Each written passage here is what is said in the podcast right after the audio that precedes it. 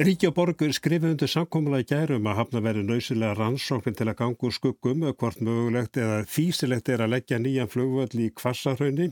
Þar er þið aðsetur innanlandsflugs og kennslu og æfingaflugs. Jáframt myndi hann gegna hlutverki varaflugvallar. Kvassarhaun myndi taka við að flugvöldunum í Vassmýrinni en það eru þó ekki fyrir eftir nærri eða rúmlega 20 ár. Og njálf trausti Fribergsson, þingmaður sjálfstæðsflóksins og annar formaður samtakana hjartans í Vassmýrinni sem berjast fyrir því að flugvöldur verði áfram í Vassmýrinni, er stattur í hljóstofu fyrir Norðan, kontur sæl. Já, sælverstu. Ég spyr bara, eh, hver eru þín fyrstu viðbröð? Ég veit að þið komur saman eða hugsalega stjórnin í dag. Er þið alferðið á mótið þessu? Nei, við sjálfsögum höfum ekkert á móti því að, að máli séu rætt og að sé sapna upplýsingum og, og farið í allt þetta ferli. En, en það höfum við kallað eftir því mjög lengi og það sem hefur kannski breyst í þessar umræðu undan fyrir nárum er að það er farið að aflæða mér í gagna svona sem er hægt að byggja ákvarðunir á. Það var ekki tannig fyrir sex árum. En uh, við höfum svo mjög yngislegt við þetta uh, svona aðtöðsendi við þetta mál Já, hva, Hvað aðtöðsendi hafið við? Sko það er kannski sagan á, svolítið á bakvið uh, rögnunemdina og, og þetta samengi hlutana. En við getum kannski ekki fara út í þetta samengi hlutana beint en bara sko, nei. eru það mót þessu, eru þau hlindir því að þessi kostu verði kannaður, viljið ekki að flugvöldurum verði fluttur í kvassarhund? Sko grundvallar atriði, svo stittum og skerpum á, er að að uh, það verði til jafn góður eða betri flugvallarkostur heldur en núandi þá flugvallir í Vassmýri ef á flytjan. Við viljum ekki að að það verði verri völlur og þjónusti verði mikið vega hlutverkis Reykjavík hlutur með í dag og það er svona grunnatrið og ég held að það sé það sem að þetta er á undanum árum að ríkið er með þetta, þetta er hugsun hjá þinginu og ríkinu og alls það er að það verði ekki eh, að, að nýr fljóðallakostu verið jafngóður eða betri heldur en núandi kostu. Þá spyr ég, teljið þið eða telur þú mm. að kvassarhaun er við jafngóður kostu? Já, það er það sem við köllum eftir, fyrir að segja með, með rögnemdina, það er akkurat að það sé alvöru, alvöru samanburður á flugvöldakostum í þessu máli, verðan að það sem gerist með rögnemdini og við sínist í þessari vinnu núna, það ekkit, hefur ekkert verið metið valkosturinn nýji í kvassarhunni miða við núverandi flugvöldi Reykjavík á þessu fórsendur sem ég er að minnast á. Þannig að við köllum náttúrulega eftir því og, og við veitum að er þetta kannski svona tæknilegi hlutur og annað. Við, við sjáum það alltaf sem skýslu núna að, að það er bara gert ráð fyrir viðráðansóknum til tveggja ára en allt þau á flugmálastofnunin, IKO, það er ekki að krafa ný flugvallastæði að þau séu skoðu að viðfarsmælingar standi yfir í fimm ár áður en menn e, fara að taka ykkur sérstaklega ákvarðanir um flugvöld. Þegar þið eru að tala um góðan kost, eru þá að mm. tala um mm. já, veðufarslega góðan flugvöld eða er, er ekki þetta að meta það bara út frá já, bara fjarlæði, hvað fólk þarf að fara langt til að komast til og frá flugvöldinu? Jú, auðvitað er að tengslinn, eins og sem kemur fram þessari skýslu, það er tengslinn við, við höfuborgarsvæðið og, og, og miðborgin, það sem flestir eru nú að sækja í tjónustu þar sem fljúa innanast.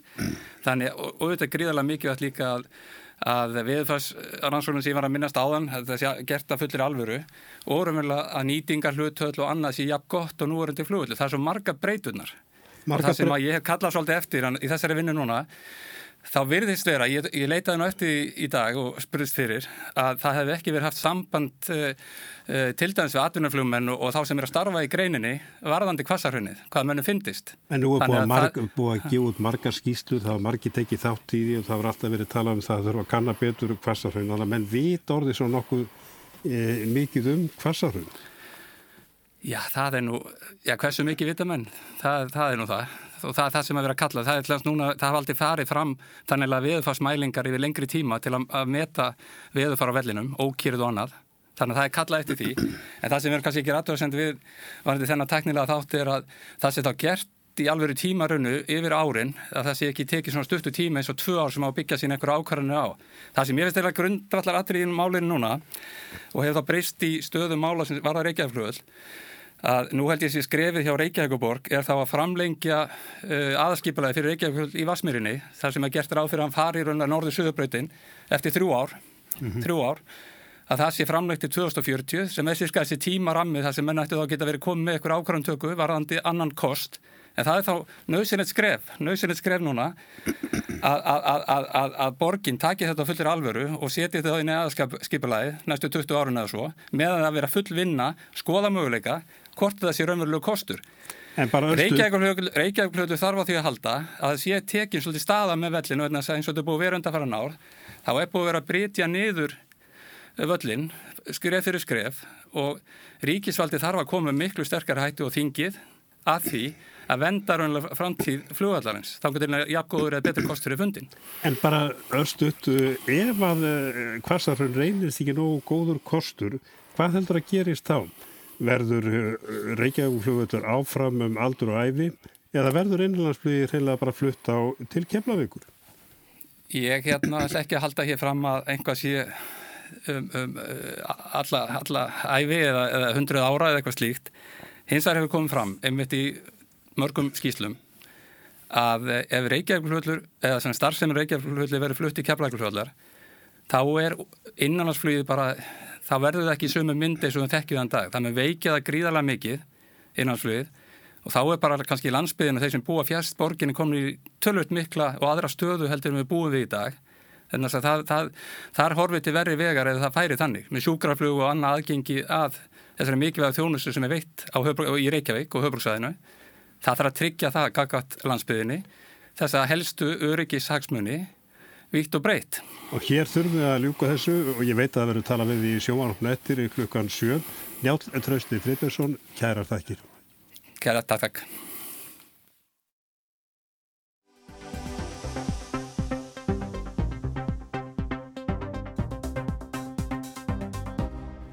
Fyrverandi yfirlauruglu þjóttni í söðuru Jórvíkur skýri á Englandi, David Duckenfield, var í gær síknar af ákjæru mandráp og stórfælda vannræksli í starfi þegar 96 fórust og 766 slösust á heilsbára á knastbyrnuvellinum í Sheffield fyrir 30 árum.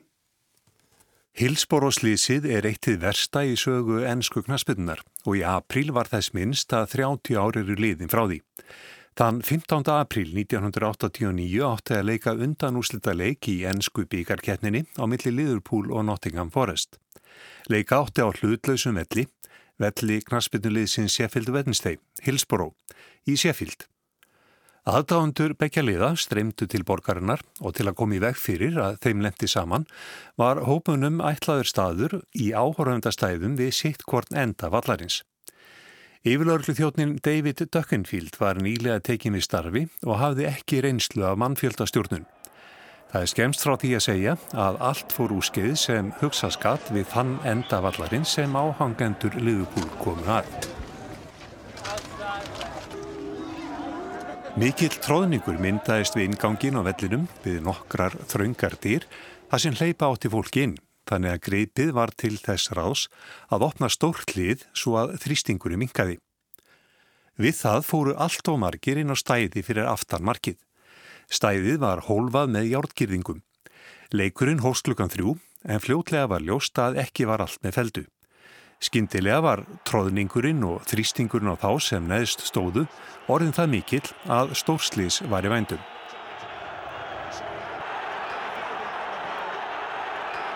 Leiknum var hægt eftir 5 mínútur. Fólk kramtist til bana og þegar yfir lauk lágu 96 í valnum og á 800 höfðu slasast.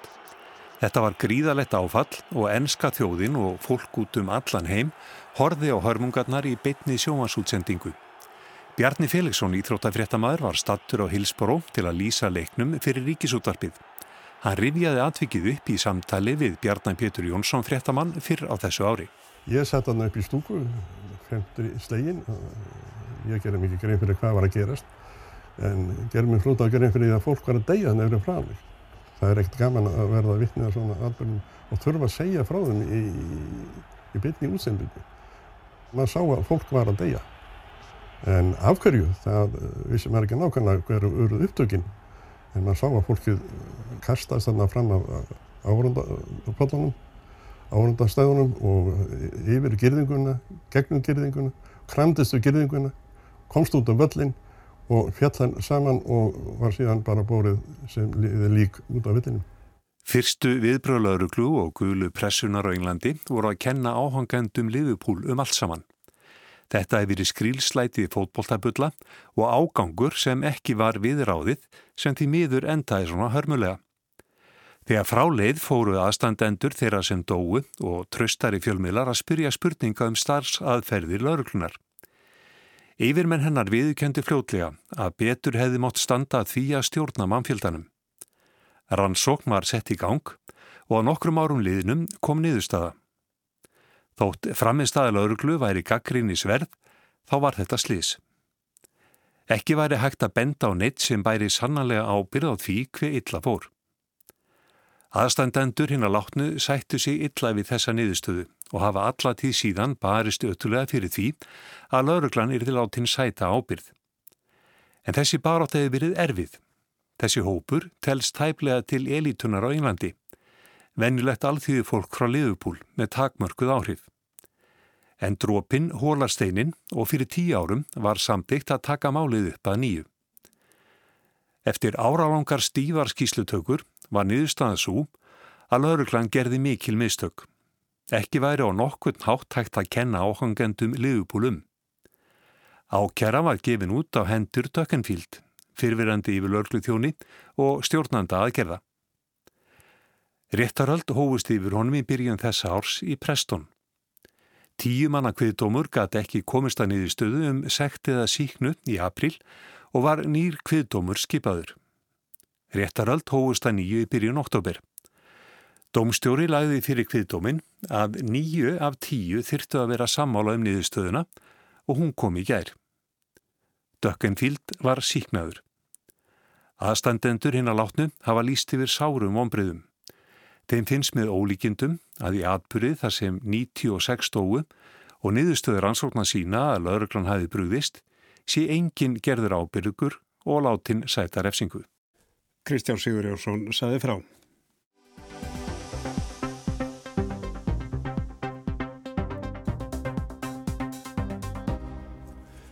Kólabirnir eru ekki útrýmingar hættu, þeir hafa enn vægi virkskerfinu, er þeim er viðbjargandi, vísind að menn hafa síðustu daga raki fréttir þess efnis að tegundin sé á vonar völ, því sem næst útdauð þetta því samt ekki að þetta enginni stýr ástralíu standi vel klamidía, dingohundar, loslasbreytingar, búsvæða, eyðing að tegundinni stæðja ímsaróknir og framtíðarhorfurnar eru slæmar verð ekki brugðist við.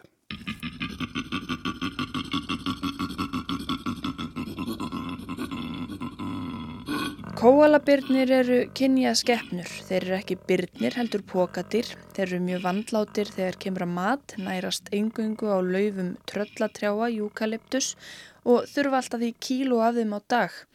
Þeir eru næturdýr, sofa reyndar drúan hluta sólaringsins en það litla orku að fá úr fæðunni sem í þokkabót er tormelt og inniheldur eiturrefni sem þeir þurfa að vinna á. Þeir eru margir smitaðar af klamedíu, svo síking hefur lagst eins og pláa á samfélag þeirra og getur dreyða til dauða en það er fleira sem ógnar þeim. Kóalabirnir hafast engum við í austurluta Ástralíu og þeir hafa orðið ítla úti í miklum skóareldum sem geysað hafa á svæðinu síðan í september. Skóareldar er reyndar ekkert nýtt fyrir kóalabjörnum og tröllatrén þeirra ná sér vennilega fljótt á stryk eftir bruna. Sjálfur eru þeir þó frekar varnarlausir. Þeir fara hægt yfir og eru berskjaldaðir fyrir eldtungunum sem svíða allt sem fyrir verður. Þeirra eina vörnir er raun að klifra eins hátt upp í tröllatrén og þeir komast og býða af sér hættuna. Stundum dugar það til. Í grein National Geographic er haft eftir David Baumann, fræðimanni við Tasmaníu háskóla, að fyrst fleiri kóalabirnir verði nú eldum að bráð hljóti eitthvað að vera að. Eldarnir brenni með meira offorsi en áður, læsi sér í toppana og trén sem eru ólíurík hafi jafnvel sprungið og sendt glæður í allar áttir. Hann tengir þetta loftslagsbreytingum og því að hefðbundnum aðferðum við að draga úr útbreyðslu skóarelda sé beitt í minna mæli en áður.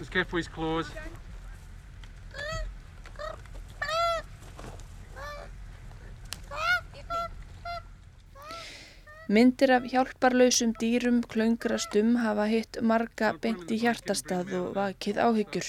Myndskið af Björgun eins þeirra sem kallaður er Lúis vakti heimsatikli. Hann virtist búin að gefast upp, skóarbotnin logaði allt í kringum hann. Hann var skaðbrendur og komst hverki. Þá kom Tóni Dóherty auga á hann. Hún hljópin í brennandi skógin, klætti sig úr skirtunni og vafði honum inn í hana og forðað honum frá lógunum. Kældi brunasáran svo með vatni og gaf honum að drekka. Lewis var fluttur á sérstakann dýraspítala fyrir kóalabyrni Port Macquarie Koala. Á þriðju dag ákváðu dýralegnar þar að svæfan. Hann var of ítla farinn og ekki útleitt fyrir að sáring gríru. Síðustu daga hafa byrst fréttir í fjölmiðlum á borfi Forbes og því hefur verið dreift við á samfélagsmiðlum að tegundin hafi ekkert vægi í vistkerfinu lengur. Notuð er lýsingin funksjonali extinct sem felur í sér að kynnslóðir kóalabjarna verða ekki mikið fleiri.